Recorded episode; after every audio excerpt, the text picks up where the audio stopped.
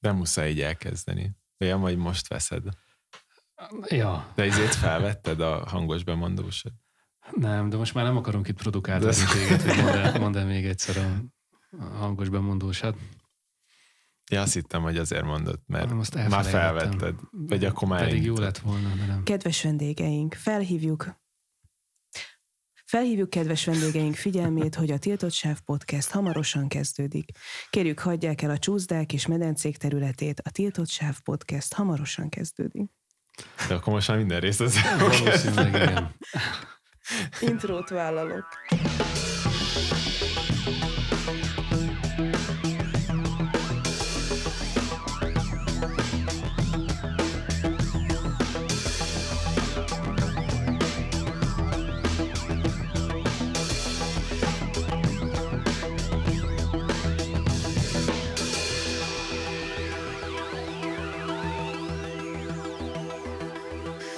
Most kihagyjuk a sziázást, mert innen már nem érdemes visszafordulni a, a sziázáshoz. Hát mert már lejöttünk a csúszdákról.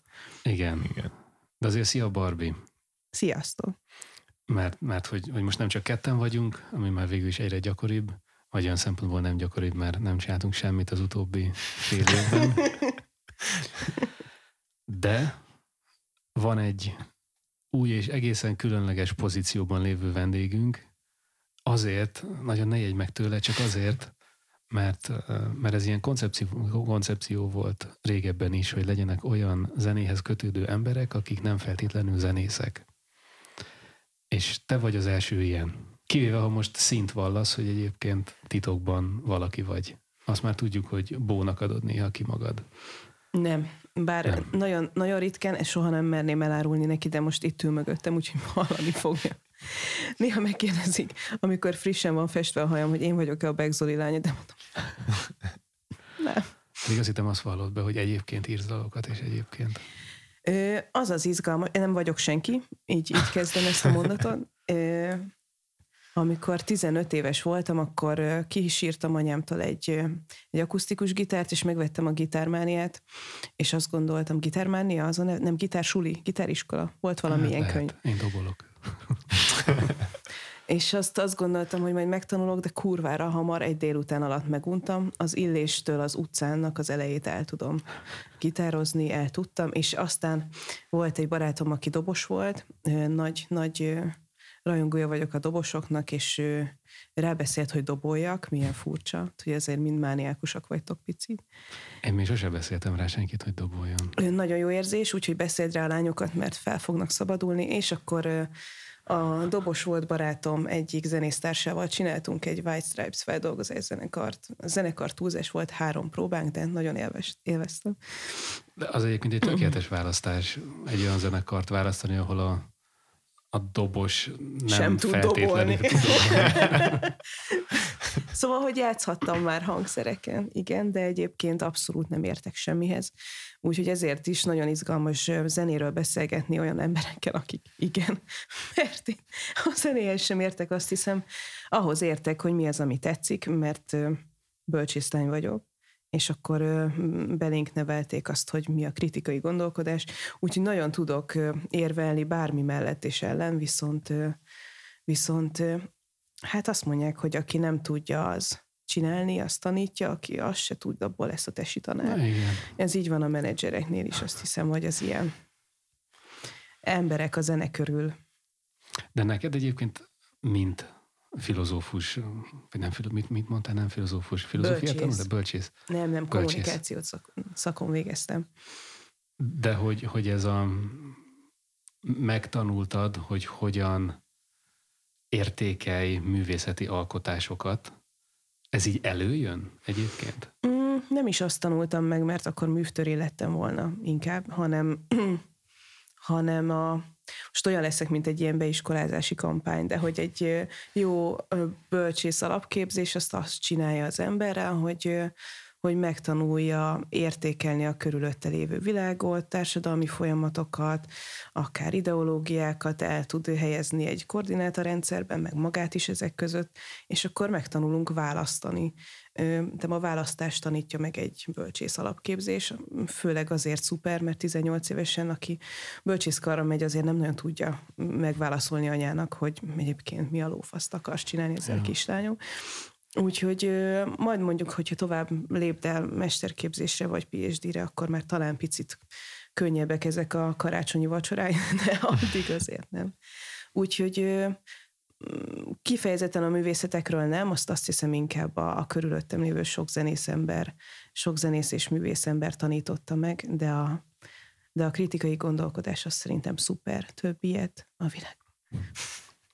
És honnan jön szerinted egyébként ez a ez a vonzalom a zenéhez. Mert szerintem, vagy ahogy én látom, egyébként rengeteg olyan ö, ember, aki a zenek körül lévő dolgokban dolgozik, legyen az, nem tudom, akár szervező, menedzser, akár hangmérnök, akár színpadtechnikus, stb.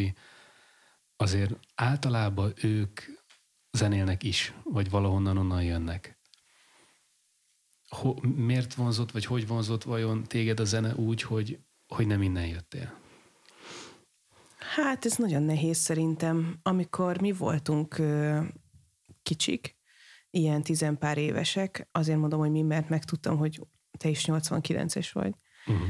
ö, hogy akkor, akkor a, a zene az még sokkal jobban volt vízválasztó, mondjuk egy osztályközösségben voltak az alterosok, és akkor azok tényleg batikolták a ruháikat, yeah.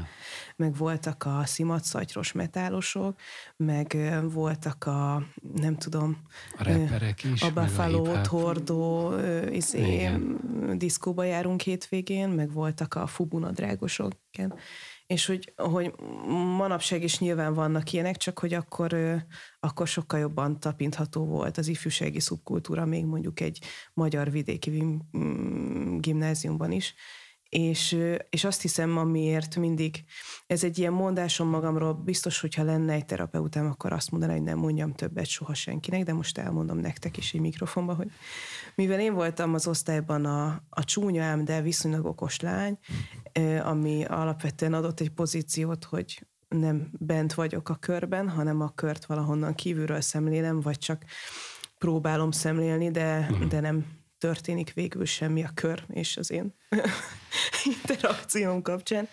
Ezért a zene is pont egy ilyen, ilyen ellenállása volt annak, hogy, hogy, hogy, aztán, hogy aztán olyat csinálok, amit a többiek nem, és uh-huh. nagyon szerettem az irodalmat, nagyon szeretett az irodalomtanárom, én is őt, és például megengedte azt, hogy ne a ne a tankönyvből tanuljam az irodalmat, hanem, hanem olvashassam mellé a Szerbantal világirodalom, meg magyar irodalom történeteket, és akkor valahogy inkább én a szövegeket szerettem hamarabb, mint a zenét. És valószínűleg ezért húzott be annak idején a, a magyar alternak az az első hulláma, mert ott szövegeket olvastam, amik, amiknek volt értelme. És olvastam tényleg, hogy így zeneszöveg.hu, és ja. akkor így Úgyhogy sehogy. És amit Igen, az... azt mond, mondtad is, hogy te így a szöveg felől közelíted meg sokszor, de hogy ez akkor is, vagy ez szokott így lenni, vagy hogy szokott lenni, hogy annyira a szöveg felől közelítesz, hogy van, hogy azt azzal találkozol először, és aztán a zenével, vagy így párhuzamosan a kettő? Hát, hogyha célzottan hallgatok most már zenét, akkor mondjuk megjelenik egy új album, amit szeretek, akkor megnyitom mellé a dalszöveget mindig, igen, és, és olvasom, mm, de nem olvasom el előre, meg nem utólag, hanem párhuzamosan mhm. olvasom. Mm. De egyébként nyilván nem, mármint, hogy nem ritkán találkozik úgy az ember csak szöveggel, úgyhogy viszont azt jobban értem, mert a zene a zene az tök jó, hogyha tetszik, de nem nagyon van olyan műfaj, amit nagyon szeretek, vagy amit nagyon nem. Úgyhogy így. És meg tud egyébként jobban tetszeni egy dal, miután elolvastad a szövegét? Persze. Hogy mm. előtte mondjuk egy középszerű, nem rossz dal, de, de ennyire jó a szövege, ezt most már szívesebben hallgatom. Persze. Sőt, ha elolvasom a szövegét, és mondjuk voltam rajta élőben, ez a kettő. Mm. mert valahogy hiszek abban, hogy élőben mindig más történik, mint felvételen. És ez általában így is van. Igen. Jó esed meg. Tényleg pont, pont mostában így gondolkoztam ezen, hogy tehát mostában tényleg olyan albumokat vesznek fel sorra, amiket kb. nem is lehet úgy eljátszani, meg nem tudom, tehát hogy a, még talán a izéről is a legutóbbi 30Y lemezről is volt, vagy hallottam ilyet, hogy hát ez ilyen nagyon jó, de hogy fogjátok eljátszani élőbe, pont így. És nyilván nem is ez a lényeg egyébként. De... Mm.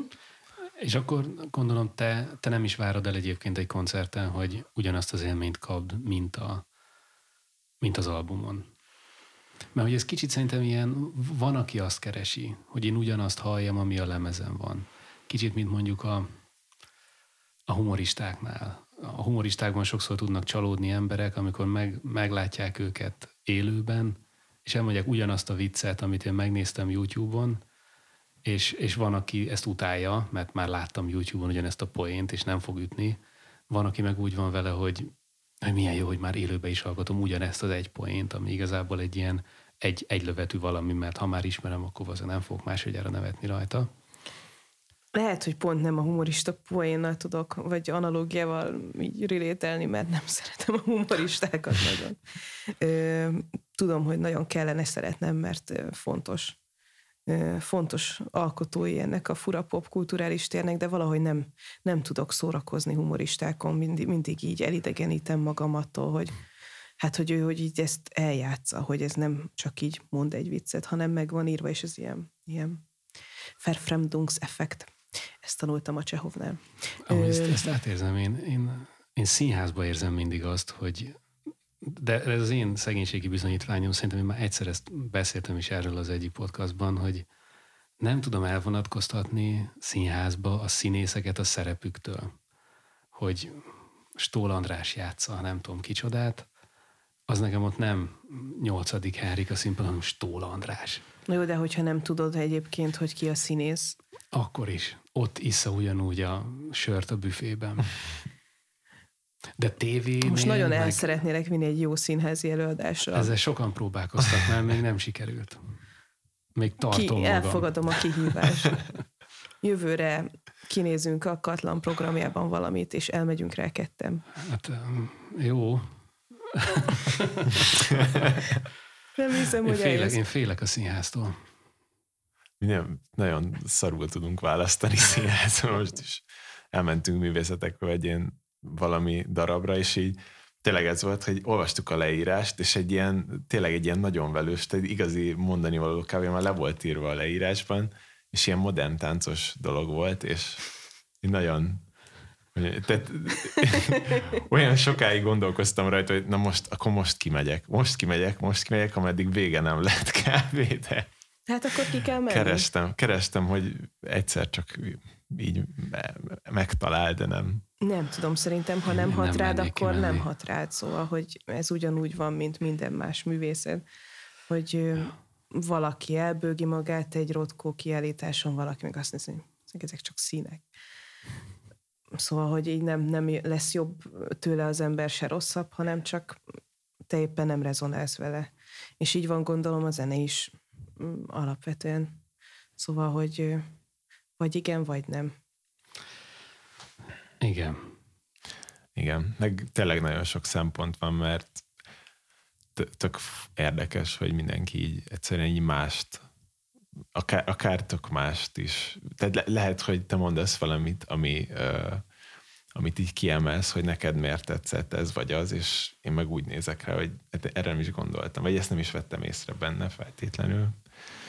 Pont, én, én pont a szövegekkel vagyok így egyébként, én meg pont inkább az, az a, nálam a második általában.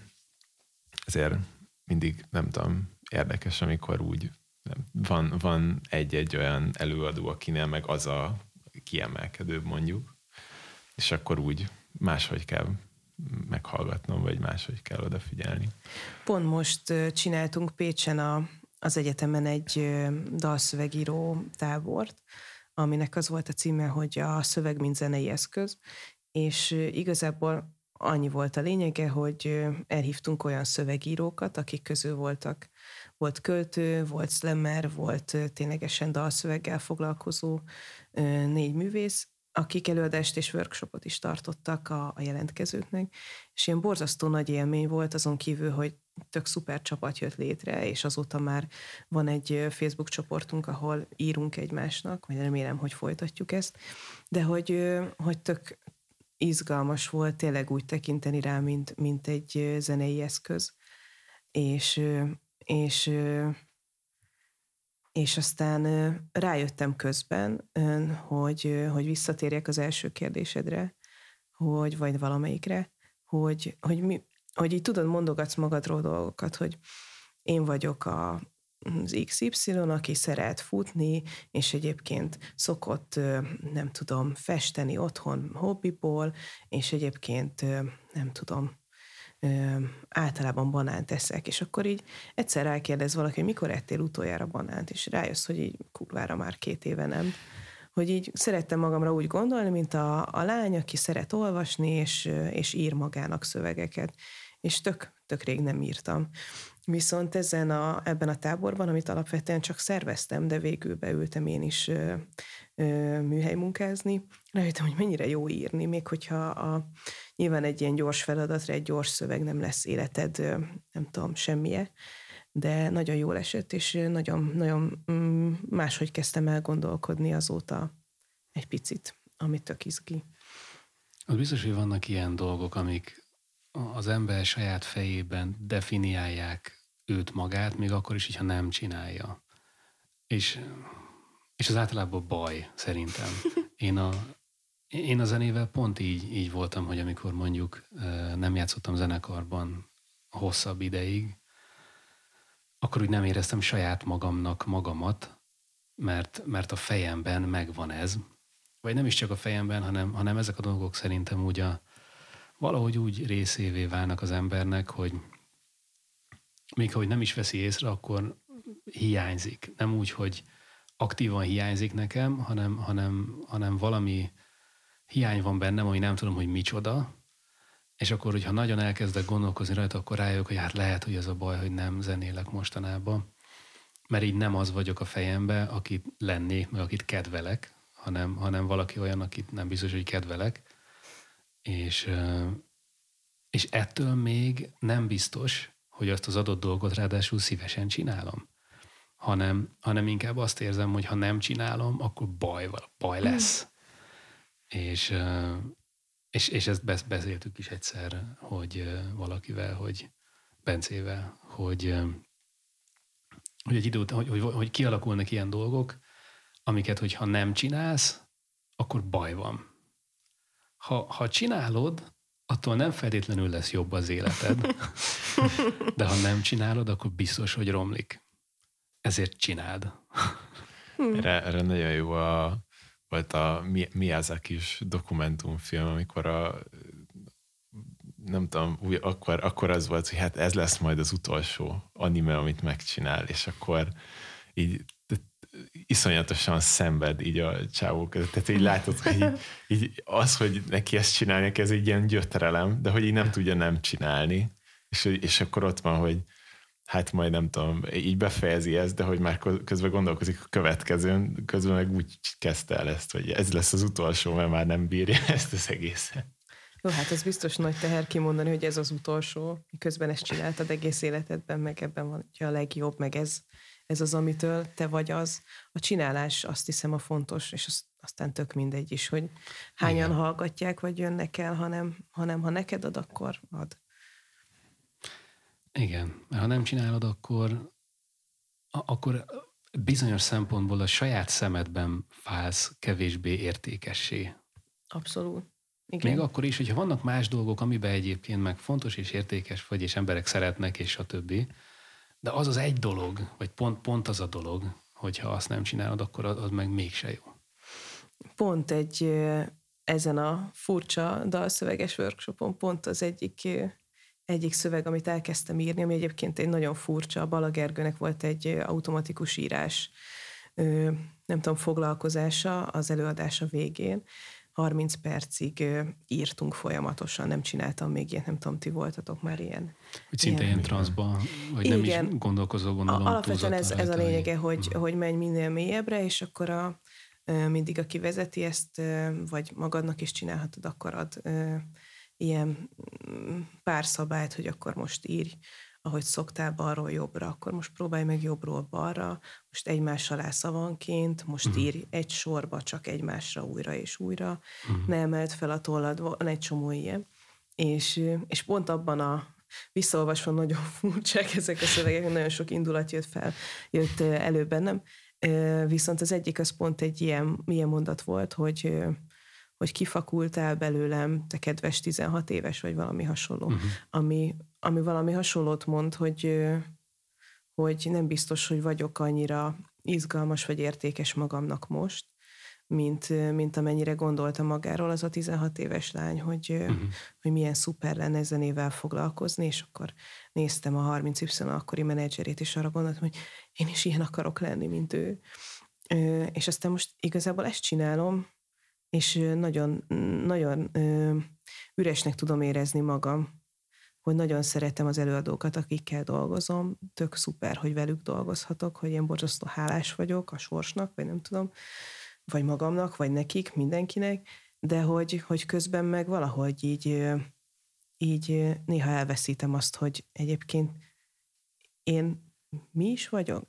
És akkor idén rájöttem, hogy, hogy azt veszítettem el, és biztos, hogy a Covid miatt is, meg amiatt is, mert végül ugyan a szenvedélyem, de a munkám is egyben ez, hogy nem jártam, nem jártam nagyon úgy koncerten az elmúlt négy-öt évben, amire azért mentem, hogy elmenjek rá, uh-huh. hanem, hanem csak így mindig, minden hétvégén koncerteken vagyok nyilván, csak hogy, hogy közönségként, vagy úgy, úgy egy buliban lenni, hogy nincs funkcióm, az, az, az ilyen nagyon-nagyon ijesztő nekem. Úgyhogy idén elmentem Igen. koncertekre egyedül, külföldre, és nagyon szuper volt. De akkor, amikor, mit tudom, mondjuk egy ilyen intenzívebb időszak van, amikor csak a úgymond munka miatt jársz mondjuk koncertre, hogy mennyire van benned az, hogy amikor, tehát hogy a, a szabadidődben mondjuk lenne azért kedved elmenni egy másik koncertre, vagy akkor inkább úgy vagy vele, hogy, hogy amúgy is folyton koncertekre jársz, nem akarsz még a szabadidődben is? Idén azt hiszem nem nagyon volt szabad idő.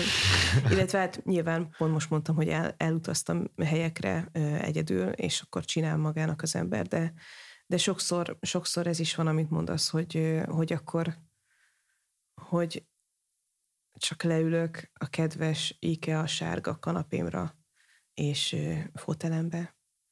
Az még hiányzik a lakásból, az a sárga karfás szép IKEA.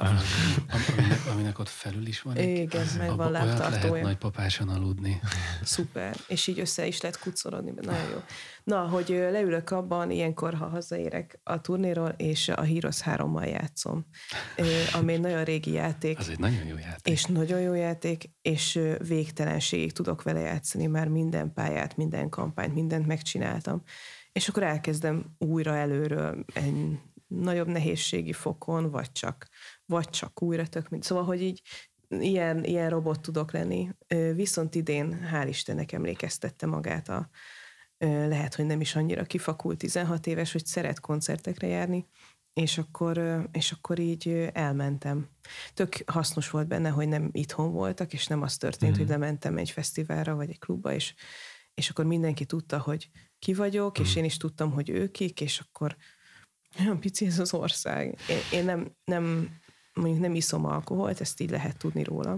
És ezért, hogyha ha ilyen koncerthelyzetben vagyok, akkor általában nagyon funkcionális az agyam, és akkor vagy én vagyok az, aki, aki beléptet, vagy felrakja a zenekart a színpadra, figyel a, a timingra, hogyha ennyi dolgom sincs, akkor elkezdek szemetet szedni, csak hogy valamit hadd csinálhassak.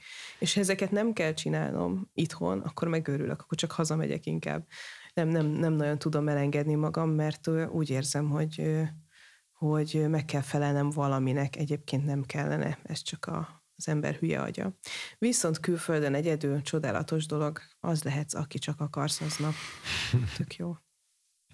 És hogy, hogy mit jelent ez a kifakulás a 16 éves önmagadból úgy, hogy egyébként meg közben végül is azt csinálod, amit, amit ő gondolt, vagyis szeretett volna csinálni.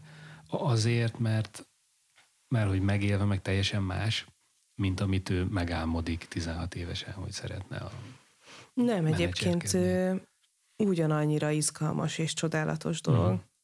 Ez olyan, mint amikor vágysz dolgokra, hogy mennyire jó lenne azt csinálnod, csak nem biztos, hogy arra van szükséged, amire vágysz. És erre mindig ja. utólag jutsz, jutsz erre a következtetésre. Egyébként nyilván nagyon szükségem van erre, hogy ezt csináljam, mert az én kis identitás hagymámban erről beszélgettünk, mielőtt megnyomtad a felvétel gombot. Ez például egy fontos elem, hogy, hogy, hogy a zenével foglalkozom. És mondjuk nem azt mondom, hogy menedzser vagyok, mert azt valóban ilyen fura az embernek magára mondani ezeket, de, de hogy szereted a zenét, vagy hogy ez e körül dolgozol, vagy mondjuk szereted a magyar kultúrát, és akkor ezt ápolod, vagy nem tudom, az egy ilyen, ilyen jó viszonyítási pontja a mindennapjaimnak. És ja. Amúgy menedzserként mik azok a mondjuk az ilyen csúcs pillanatok, amikor így azt érzed, hogy, vagy amikor úgy, úgy érzed, hogy mondjuk amiért dolgozol, az úgy akkor mondjuk élvezed a gyümölcsét, vagy így kifizetődőnek hmm. érzed, vagy mik ezek a, mikor így, nem tudom, mondjuk egy, mint, mondjuk egy zenésznek, amikor mondjuk itt a párhuzam, vagy nem tudom, hogy egy zenésznek, amikor koncertezik, és akkor már mint zenésze válogatja nyilván. Van De hogy mondjuk te koncerteken, nem tudom, egyébként én hallottam már olyanról, aki mondjuk inkább írni szeret, és hmm. a koncertezés meg azért van, hogy aztán írhasson, és nem hmm. tudom, ezzel foglalkozhasson. A, a 30Y kapcsán ez nagyon könnyen mérhető, mert ott nyilván van egy csomó olyan helyzet, ahol nagyon sokan vannak, és mindig a, a Fishing on Orfűs 30Y koncert egy ilyen nagyon fontos a zenekarnak is, meg nekünk is, akik dolgozunk velük. Például ez a koncert az minden évben, ahol a Konc Balázs, a zenekar booking menedzsere, és én megöleljük egymást. Egész évben egy kedves tisztelettudó ám de távolságtartás van közöttünk, ököl pacsival köszönünk, mint a teljes táb, de valahogy a phishing az mindkettőnket megérint annyira, hogy így hogy, hogy kiráz a hideg, én általában sírok, de viszonylag sokat sírok, úgyhogy ez nem olyan meglepő, de hogy akkor így érzi az ember, amikor az az egész domboldal énekli a dalt, még mielőtt elkezdeni a zenekar már egy zongora hangból. Az hmm. ilyen, hú, az, az nagyon szép. Aztán egyébként nem ilyen, nem kisebb vagy nagyobb érzés, de nagyon szeretem, amikor, amikor mondjuk a bó nem szídja magát dalok között. Az, az egy szuper érzés, de azt is szeretem, amikor... Vagy podcast szív... felvétel előtt. Igen szeretem, amikor, amikor azt látom, hogy a színpadon történik valami igazi, és hogy annak, vagy ahhoz bármi közöm volt, még ha nem is én csinálom. Ez így válasz. Ez tök jó válasz. Köszönjük szépen. hogy, hogy visszakanyarodjunk valamihez, amit mondjuk kilenc perccel ezelőtt mondtál. Az indulatokról csak hogy valahogy tudjam kötni a lemezhez az mm-hmm. egészet, amiből azért vannak indulatok. Mert te, amit választottál lemezt mostanra, ezt az Idols lemezt. Igazából te választottad, én mondtam ötöt. E, Oké. Okay. én azért választottam ezekből ezt, mert ezt ismertem a legkevésbé. De, de ha, ha nagyon röviden akarnám én összefoglalni, vagy, vagy az az első benyomása az embernek, hogyha ha meghallgatja ezt a lemezt, vagy valószínűleg más Idols lemezeket, hogy azért ebben rengeteg elfolytott és nem elfolytott agresszió, indulatok vannak. Szóval azért ez egy, ez egy, ez egy kifejezetten agresszív lemez, szerintem. Szerintem nem, Szerinted de folytasd. Nem. Szerintem az, mármint, hogy én, én, én azt is... De, én, nekem van egy listám, egy, egy ilyen kis playlistem, amire általában rárakok olyan dalokat, amitől én magam lezek egy kicsit agresszív, hmm. Mik vannak aminek rajta? néha hasz, haszna van. Majd megmutatom egyszer ezt a listát. Miután elmentünk Vegyes. színházba. igen. Hogyha rossz volt az előadás, igen, akkor be. Igen, igen.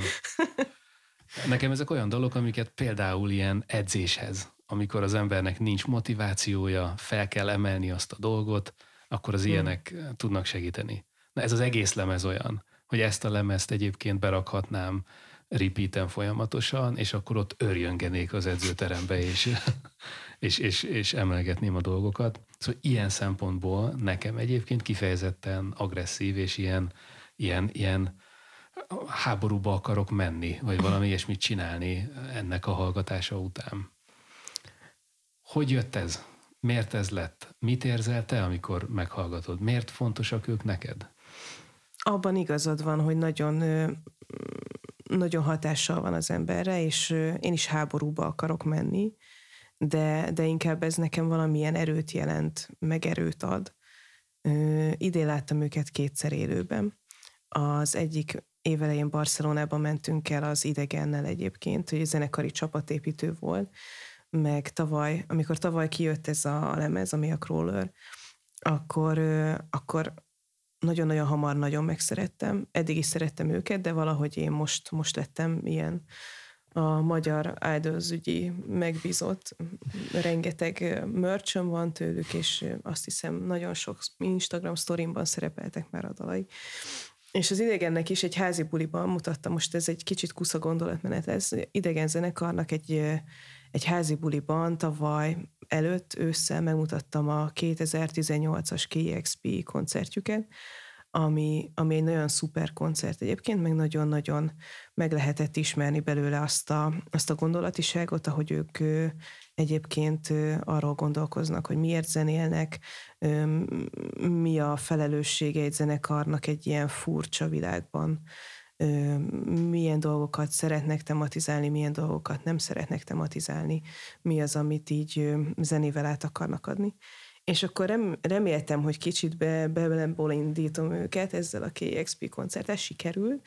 Úgyhogy amikor tavaly Miskolcon játszottunk, akkor láttam meg a neten, hogy kirakták a, a 22-es turnét, és abban pont van egy Barcelona, ami uh-huh. egy nagyon jó ilyen izé volt, ilyen parti drog, maga a város, mert a, az idegen énekes, a, a Kunicsoli, nagy, nagy Barcelona fan, és tudtam, hogyha azt kérdezem meg, hogy eljöttök velem, mondjuk nem tudom, Kölnbe egy áldozra, akkor azt mondjuk, hát több, nem tudom, menjél egyedül.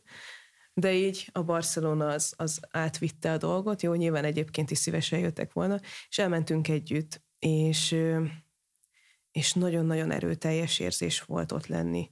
Már ahogy mondott, hallgatni is nagyon az, hogy, hogy harcba akarsz menni tőle, de hogyha közben meg elolvasod a szövegeket, hm. akkor pedig egy ilyen, szóval ez az album egy nagyon terápiás album, azt hiszem és sokat segít az ember önértékelésén. Ez egy nagyon fura dolog, miközben egyébként a szövegek főleg addikciókról szólnak, vagy az abból, vagy mondjuk bármilyen trauma és az abból kilábalás, de hogy, hogy nekem sokat segített feldolgozni mondjuk a, a Covid évét, az azt követő évet. Úgyhogy nekem is erőt ad, csak máshogy, hogy nem akarok tőle súlyokat emelni. Mondjuk ki, gyenge is ki vagyok eléggé. Ki talán meg benne, igen, de, de, de igen, ez egy, ez egy ez egy ilyen furcsa gondolat, vagy nem is tudom, hogy ráadásul még, még a podcast előtt beszéltük, hogy te, aki még csak inni se iszik, és itt a dolog fele legalább arról szól, hogy ő hogy lett függő, és lett nem függő, aztán lett megint függő, és alkoholista ő, meg az anyukája, meg mindenki az. és egyébként ez van, nem? És akkor mégis ez valamiért nagyon közvetlenül tud szólni olyan emberekhez is, akik például nem feltétlenül drogfüggők és stb. Ennyi volt a gondolatom erről. a, mond, bocsánat. Mond, mond csak, mert... Ö, semmi. A, a barcelonai koncertélmény Aha. például ezt szerintem tök jól megmagyarázza, ahol ahol valahogy szétszakadt a csapat, mert valaki még cigizni akart, én már izgultam, nehogy lemaradjunk, és akkor izé. Végül én az FOH környékén álltam meg a, a, a klubban, ami egy ilyen 3000 fő, 3-4, nem, nem lehet sokkal nagyobb. Ö, és, akkor, és akkor ott egyrészt tudtam is támaszkodni, meg mégsem voltam bent a darálóban, tök szuper, és a, a Languádival együtt voltunk nagyjából ott, és ott volt még kettő nagyon idős, meleg spanyol bácsi, akikkel végig táncoltunk. És az egész valahogy így nagyon fura érzés, meg nem vagyok ilyen szektás, de hogy annyira, annyira egy ilyen csak szeretet áramlott körül abban a koncertérben, és aztán kiderült, hogy fesztiválon is ugyanez történik, hogy nem az van, hogy csak a zárt épület megtartja magában.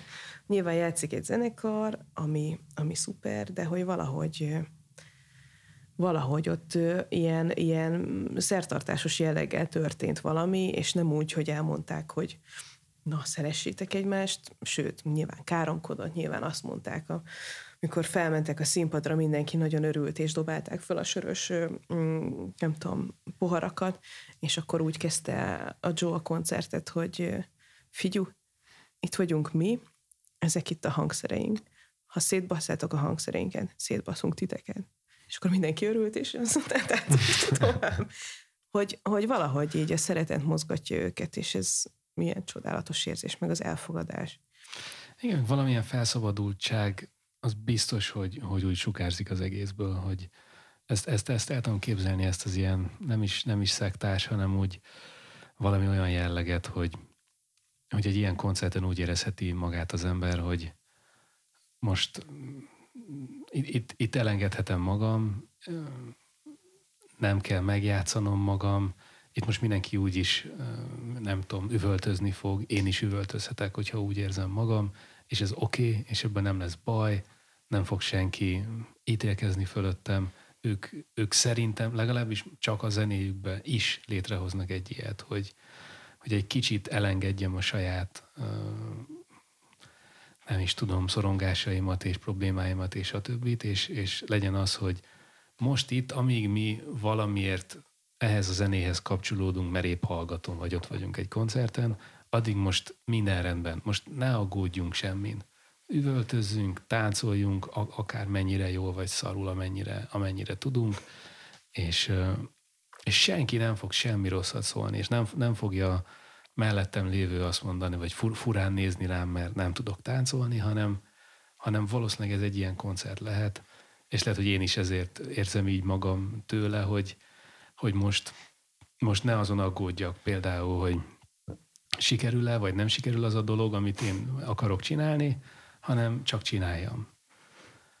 És ez, ezt mindenképp adja ez a, ez a lemez és ez a zenekar, és és ez egy jó dolog.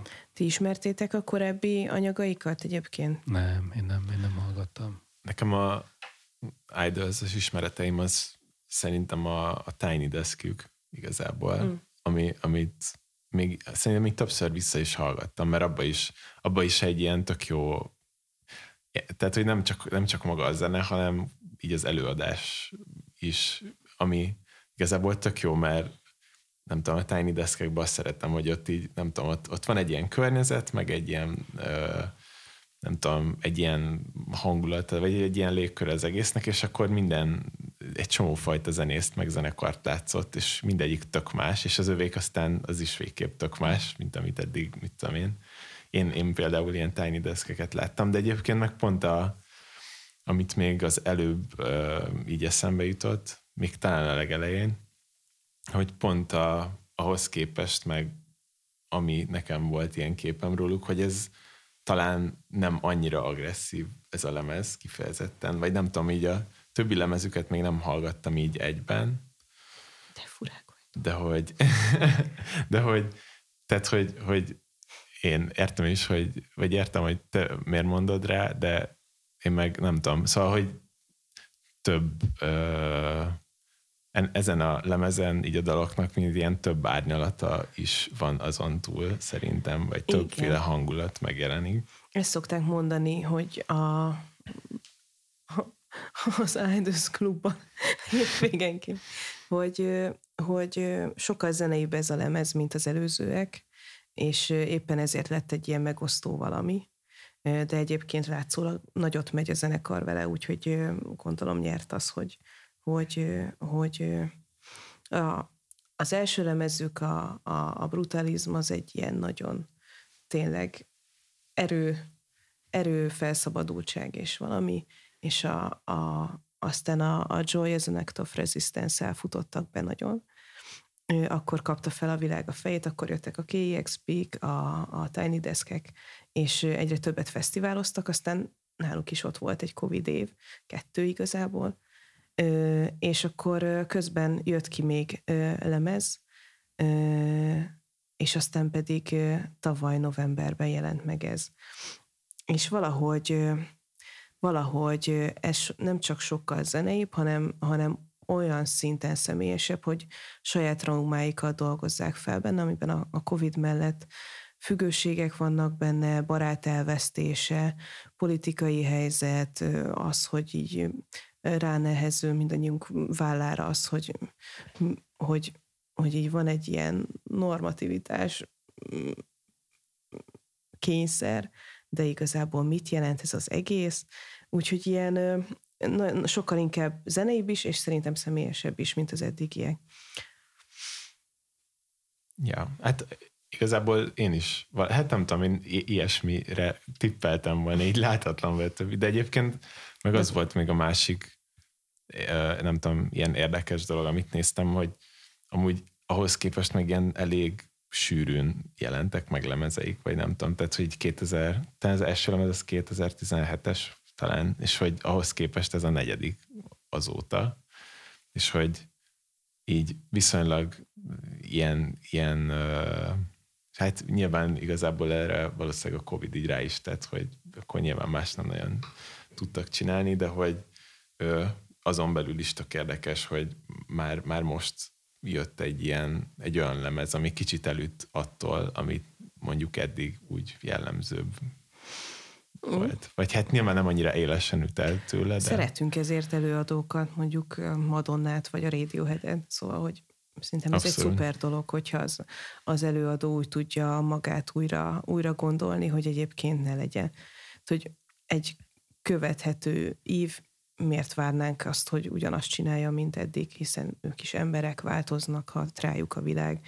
Nagyon fura lenne, ha ugyanazt csinálnák. Akkor valószínűleg nem hallgatnám már őket, mert ők erről egyébként konkrétan beszélnek egy interjúban, ahol, ahol ezt említik, hogy hogy ők, ők azért tehetik meg azt, hogy egy kicsit változtassanak a saját, nem is a stílusokon, de hogy, hogy azért különböző albumokat csinálhassanak, mert szeretik őket elegen.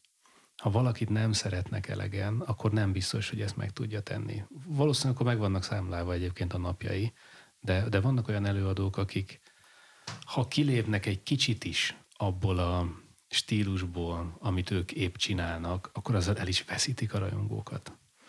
Hát szerintem azt teszi meg ezt, aki meg akarja tenni. Szóval, hogy aki Igen. számolja a rajongóit, az egy hülye. Vagy nem tudom, hogy... Hát nem is az, de hogy... Vagy az legalábbis nem érdekel egyáltalán. Megvannak szerintem azok az előadók, és valószínűleg azok a jobb előadók, ahol meg tudod szeretni az embereket is, akik ott vannak a, a zene mögött, nem csak, nem, nem feltétlenül a dalokat. Mindig Jesse Wert hoztuk fel példának e, e, ehhez, aki nagyon-nagyon más lemezeket tud csinálni egymás után, de annyira sokan szeretik őt, mint embert, hogy szívesen meghallgat Jesse Vertől egy jazz lemezt, utána meg egy metal lemezt is, mert, mert annyira szereted őt, hogy, hogy ez így oké. Okay. De ha, valószínűleg, ha valakinek olyan ö, rajongó tábora van, aki nem feltétlenül az előadót kedveli, hanem mondjuk pont azt a stílust, meg, meg nem is tudom, azt a ha, ha most Dualipa kihozna egy metal lemezt, azt nem biztos, hogy érdekelni az embereket. Aki ettől függetlenül nagyon jó előadó, de, de nem biztos, hogy ezt ő, ő szerintem például megtehetné. Tök izgalmas erre egy ellenpéldaként a, a Red Hot Chili Peppers idei most már azt mondhatjuk két lemeze, mert megjelent egy következő is az előző óta, hogy ott emberek elkezdtek azért neheztelni, mert túlságosan olyan, mint egy Red Hot Chili Peppers lemez. És hát, hogy így mire számítottál tényleg? Hogy, hogy most, de tényleg, mit vártak? Ö, és aztán meg nyilván ö, végül az lett, hogy mindenki nagyon szereti ezt a négy fickót, ráadásul visszatért a zenekar, az ikonikus gitárosa, és akkor, és akkor az lett a konszenzus, hogy na jó, jóra hallgattam. De hát ez egy tök uh-huh. szuper lemez, csak, csak túlságosan felismerhető. Szóval, hogy azért van ebben egy ilyen izgi kettőség. Igen, ez, ez, ez azért sokszor probléma szerintem, hogy nem is ez, hanem inkább az, hogy én elvárhatok-e dolgot dolgokat művészektől. Én, szerintem én, nem. Szerintem sem. Ez kicsit, mint amikor mondjuk, mondjuk az volt, hogy pár éve, amikor volt, tudom, a Trónok harca utolsó évada, amit mindenki gyűlölt. És voltak emberek, akik azt mondták, hogy hát ez, ez nem is tartozik ide, le kell újra forgatni, és ez, és ez így nagyon rossz. Örül, hogy kaptál valamit, szerintem. Szóval, hogy, hogy szerintem sosem mondhatjuk azt művészeknek, hogy ez, amit csináltál, mi nem ezt akartuk. Csinálj valami mást.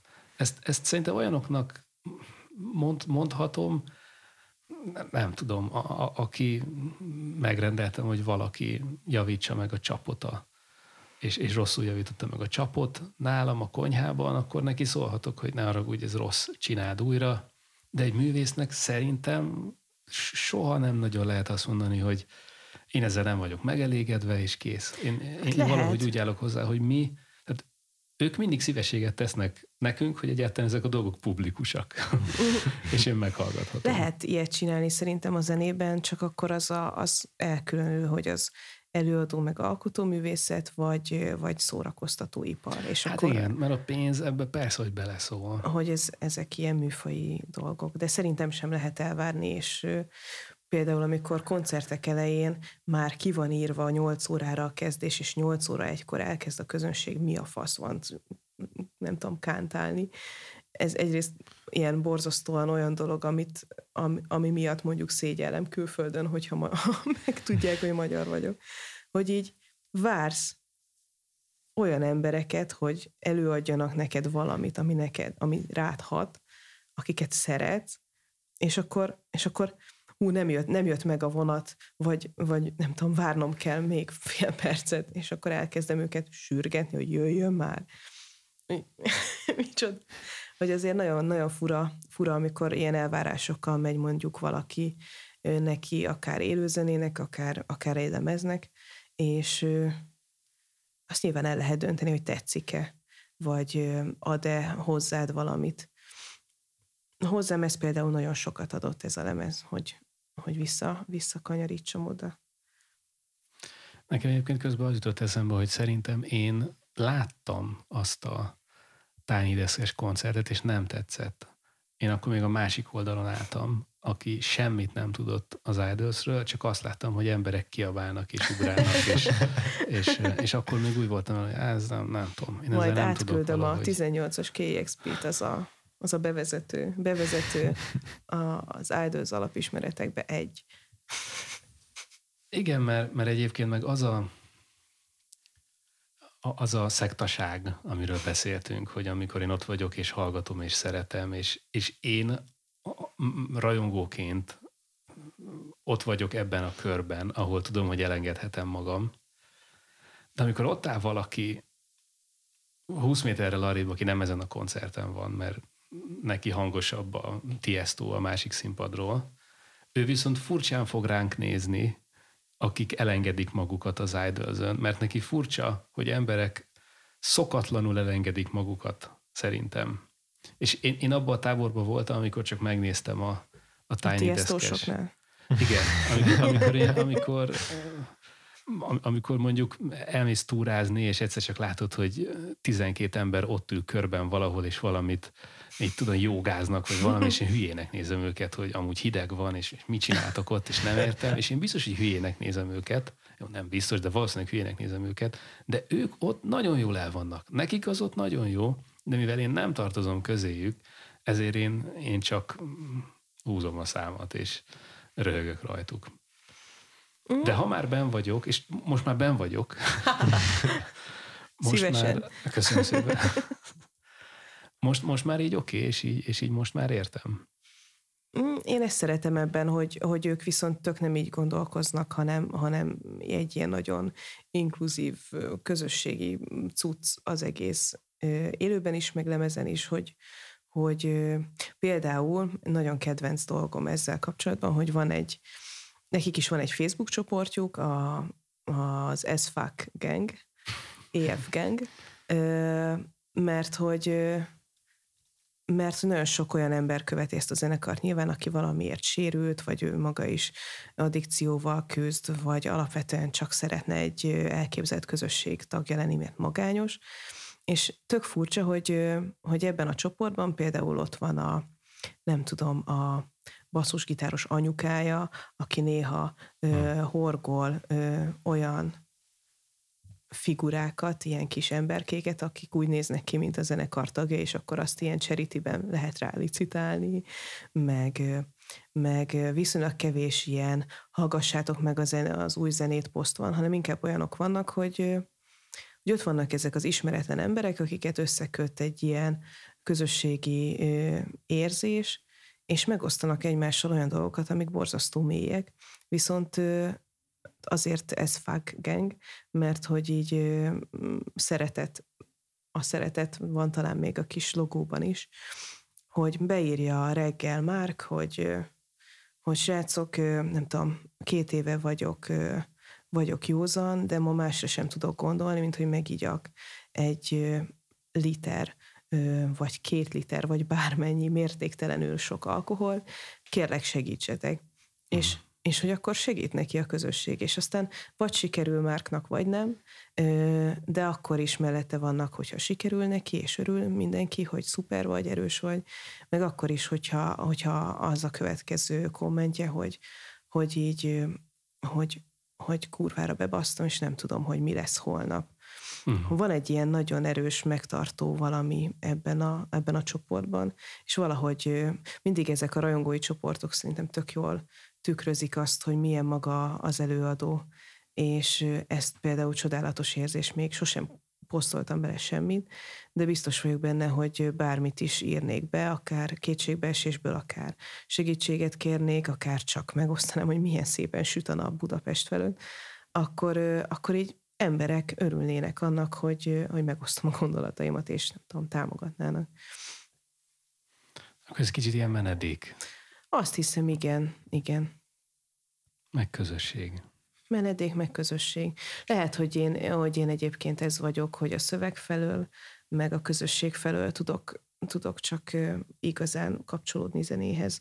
És nyilván nem hiába a 30Y-nal dolgozom, akiknek meg ez a kettő, ami egy ilyen borzasztó erős, nyilván egy nagyon szép és nagyon zenei zene mellett, de, de ez fogott meg 14 évesen, amikor először hallottam őket. És akkor szinte a, ebben a helyzetben, vagy ennél a közösségnél szinte a zene a, a, a, az eszköz, ami összeköt, vagy nem is tudom, a hely, ahol találkoztok, de, de a lényeg pedig az, hogy ott a közösség. Azt hiszem, igen. Nyilván mindenki nagyon szereti. Mm, de, de van egy ilyen zenén túli értelmezési tartománya az uh-huh. egész közösségnek, ami tök szuper. Ez jó. Én kifogytam, mert már túl mélyre mentünk. De ez jó, mert így körbeért szerintem ez a dolog. Szerintem is. Jegyzeteltem a dalokat. Én is jegyzeteltem, csak nem, nem érzem úgy, hogy most elkezdünk beszélni egy-egy dalról. Szuper, mert elfelejtettem a brit miniszterelnök nevét újra. Hát, azt én is leírtam. Micsoda? Punák. Igen, rizses pinák. Rizses, a rizses pinákhoz írt egy dalt, Joe. Igen, ezt én is leírtam, hogy most ő valószínűleg nagyon szomorú, hogy ez az ember, akit ő nem kedvel. Hogy volt, leírtam, én is leírtam. Pedig ez egy, ez egy jó sztori. A New Sensation. A New Sensation. A New Sensation-t írták ők azért, mert hogy a, ez a... Rishi Sunak. akkor még, a, aki most már brit miniszterelnök, nem tudom, két hete, vagy egy hete, vagy két napja, vagy Két valami napja ilyesmi, inkább, Két igen. napja, igen. akkor még csak egy valamilyen politikus volt, és ő mondta azt, hogy a különböző művészeti ágakban tevékenykedő emberek a Covid alatt azok szépen képezzék át magukat valami olyanná, amivel ők pénzt keresnek, és ez annyira felidegesítette az idols hogy megírták. Hát meg mindenki, de ezt itthon is Hát- mondta mindenki. Igen. Igen. Nem tudom, maga a lemez egyébként nagyon szép ö, ívet jár be, de, de tehát ha hallgassátok meg. Ezt elmondhatnánk minden. Felesleges a podcastunk igazából, Igen. mert Alapvetően ami azt hiszem benne is van egyébként a leírásban, hogy nem minket hallgassatok, hanem a lemezeket.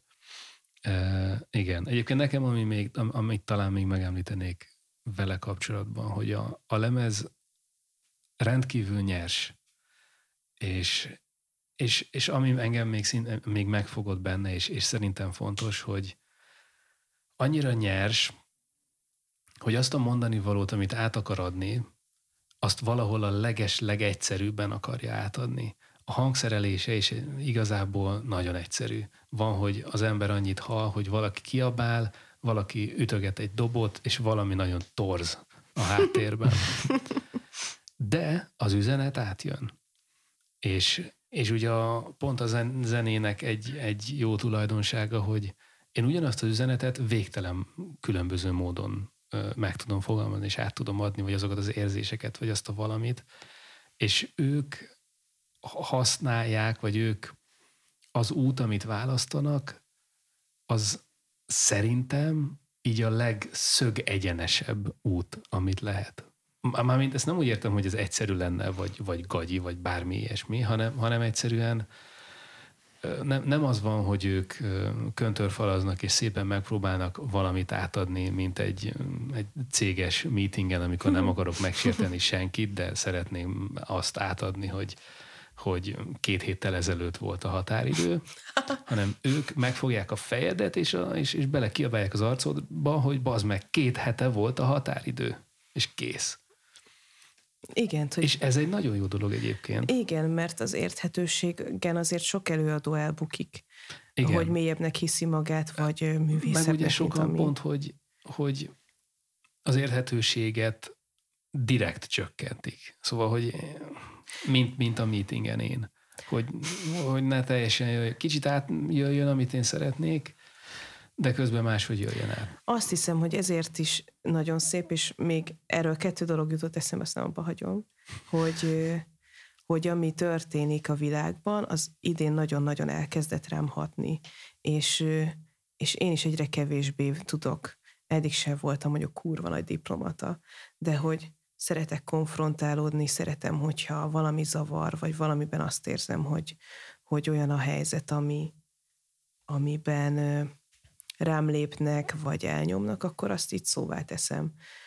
És egyértelműen nem, nem udvariaskodva, mert hogy az udvariaskodásból csak az lesz, ami, amit tapasztalunk, hogy így körbejárjuk a témát, és akkor mindenki tudja, érzi, de igazából ki nem mondjuk, hogy abból nincs fejlődés, a konfrontációból van fejlődés, a konstruktív vitából van fejlődés, de abból, hogy óvatoskodunk egymással, és, és csak látszat oldunk meg társadalmi, vagy akár személyes problémákat, azzal kitörölhetjük a seggünket. És a, az egyszerűségre még az jutott eszembe, hogy hogy jól elmondtam az elején, hogy nagyon bölcsészlány vagyok, és szeretem a szövegeket, hogy ezek egyébként nem túl összetett szövegek. Szóval, hogy így a, az első dal, ami egy nagyon elnyújtott, ilyen tipikus lemez első dal, úgy van, úgy van vége, hogy Are you ready for the storm? És az utolsó dal meg azt mondja, hogy, és akkor a kettő között nyilván van egy kurva nagy ilyen lejtmenet, amiben megtapasztaljuk azt, hogy mi történik egy függő emberrel, mi történik az emberrel, hogyha, hogyha óriási trauma éli, és mindenki csak kívülről őt hibáztatja, és ő magát is. Mindenféle bugyrát, és akkor eljutunk az utolsó dalig, ami meg azt mondja, hogy in spite uh, it all, life is beautiful, vagy valami hasonló. Szóval, hogy egy, egy ilyen nagyon-nagyon direkt, nagyon egyszerű, már-már azt mondanád, hogy közhelyes, de közben csak így exakt, vagy nem tudom. Igen, ezt, ezt én is észrevettem, hogy, hogy, hogy voltak ilyen gondolataim, hogy ezek annyira egyértelmű dolgok, amiket néha ők mondanak. De közben meg ezek nem, ezek, ezek olyan dolgok, hogy igen, ugye az ember valahogy kicsit olyan bátorságot tanul belőlük, vagy valami, valami ilyesmi. Ja. Lehetne közhelyes. Biztos sokaknak közhelyes. Inkább, inkább olyasmi, mint hogy azok a dolgok válnak klisévé, amik igazak. És oké, okay, hogy klisé, de, de közben meg azért mondjuk el ezerszer, mert 999 még mindig nem értették meg, vagy nem értettük meg mi. És valami ilyet, ilyen van ebbe az egész lemezbe, hogy, hogy egy kicsit ő meg, megpróbálja az emberre kalap, kalapáccsal beleverni ezeket a, ezeket a dolgokat. Szerintem egyébként már valahol a, a lemezt és az egész ezt, a, ezt az ilyen extrém őszinteséget és nyitottságot és ilyen, ilyen, ilyen ijesztő őszinteséget, vagy nem is tudom, hogy hogy mondjam. Már az első dal is kimondja, meg az első dal címe, az első dal címe, az MTT 420RR, én ezt nem tudtam, hogy micsoda, rákerestem, ez egy motor, én nagyon sokáig motoroztam, ez egy olyan motor, amiben egy, ami egy felháborító motor egyébként, mm. mert ebben egy, egy ilyen gőzturbinás Rolls-Royce motorblokk van, ami, ami pont olyan egyébként, mint a lemez. Ilyet, ez, ez egy annyira felháborító motor, hogy túl gyors, túl veszélyes, értelmetlen. Nem, nem szabadna létezni ennek. Hát nem a lemeznek, hanem minden nem a lemeznek, témának. Igen, szóval, hogy... Meg hogy... hát a sztoria van, azt nem tudom, azt olvastad de hogy ez a motor Igen. ütötte el tavaly ősszel a frontembert, és, majdnem. És, ha, ha és majdnem értem, lett belőle igen, egy végzetes igen, baleset. Ja. Igen, de hogy pont ez, a, ez az ilyen ez, ez egy olyan motor, amit az ember nem vesz meg. és, és ez az egész, és ez egy ilyen nagyon meglepő motor, vagy nem is tudom, hogy hogy mondjam, és legalábbis nekem van valamilyen párhuzam azzal, hogy ők ilyen, ilyen meglepően őszinték, és, és ez olyan valami, ami, ami úgy nincs a hétköznapokban annyira, vagy úgy nincs, nincs úgy benne a valóságban, mint ez a motor, ez egy, ennek nem kéne létezni, ez, ez, ez tényleg annyira, annyira uh, ilyen, ilyen elborult ötlet igazából ilyet építeni, de, de megépítik és, és működik ez nekem az, azzal van párhuzamban, hogy vannak ezek a dolgok a világban, amik rád hatással vannak. Hát amiknek egyébként nem kéne létezni. Igen. Hogy az elmúlt két évünknek nem kellene létezni, nem vennéd le a polcról, nem rendelnéd meg a webshopból. Nem. Nem. És aztán valahogy kezdenünk kell valamit vele, ja. és sokkal jobb, hogyha nem a, nem tudom, gyűlölet nyelvén csináljuk ezt, vagy, vagy egy saját ilyen szorongáspirállal, hanem valahogy a közösség és a szeretet erejével. Meg hát, hogy még valamit én is fűzek hozzá így zárásképp, hogy nekem még ami nagyon tetszett benne, meg ami, amivel amúgy engem úgy be tudott vonni, mert amúgy én is viszonylag kevés ilyen zenét hallgatok, de hogy mégis úgy meg tudod fogni szerintem viszonylag hamar, az ez a felszabadultság, meg ez a szabadság, amivel ezt az egészet így nem, nem azt érzem, hogy ő mondjuk így nem tudom, valaki felé kifejezetten mondjuk agresszívan akar közölni, vagy valamit nem tudom, tényleg ilyen erőszakosan, hanem inkább azt érzem, hogy, hogy ezt ilyen felszabadultan kiadja magából, és így azzal tud így tök jól bevonni engem is, meg nem tudom, a hallgatót is, hogy, hogy te is így ott állsz, és akkor te is így mondod, hogy hát igen, igen, izé, ezek, ezek a dolgok, amik nem tudom, így jönnek egymás után, meg uh, amúgy nekem így megjelenésre is nagyon tetszett ez a zenekarban, hogy így nem feltétlenül raknám ezeket az embereket így egymás mellé, ha csak így meglátnám őket külön-külön. Hogy így, hogy így azon is azt látom, hogy igazából ide bárki tartozhat, tehát tök mindegy, hogy hogy nézel ki, meg mit tudom én, de mindenki ugyanazt a zenét játsza, és így, így nyomják együtt, és hogy ez, ez így mégis így összetartja az egészet. Most például a, a Bobo, aki a, a mindig női ruhában játszó gitáros, apuka lett, és turné közepén voltak, hogy éppen azt hiszem Amerikában jártak, és kiírt a zenekar, hogy Bobo apuka lett, nagyon örülünk neki, most két hétig nem lesz, viszont velünk lesz, de ciki vagyok, nem tudom a lány nevén, mindegy, egy lány helyettesítette. És ez is egy, egy ilyen tök szép dolog, és aztán nagyon-nagyon örült mindenki egymásnak. Még az jutott eszembe, és aztán lehet, hogy ez is ilyen jó végszó, vagy nem tudom, hogy, hogy van egy olyan gondolat bennünk, hogy, hogy intelligensebbek, vagy érzelmileg többek vagyunk, vagy moderáltabbak vagyunk, felvilágosultabbak annál, hogy, hogy csak dühösek legyünk, és kész. De hogy miért gondoljuk azt, hogy dühösnek lenni egyébként nem egy mély vagy magas szintű érzelmi intelligencia, hogy miért, miért nem engeded meg magadnak, hogy dühös legyél. Nyilván tök jó, hogyha nem csak dühös vagy, hanem kezdesz is vele valamit, de tehát hadd legyünk már azok.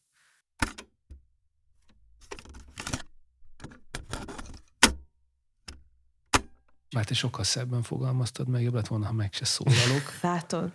De még kivághatom saját magamat. Kedves vendégeim, a Tiltott Sem Podcast három perce már abban maradt volna, hogyha Igen. András nem vonzott volna ugyanarra a szép mondatra egy sokkal rosszabban. Igen. De mivel nem az irányított ezt a beszélgetést, hogy nagyot mondjuk, hanem hogy Igen. a szükségletnek legyen egy tere, ezért Ha fejezzük be, András.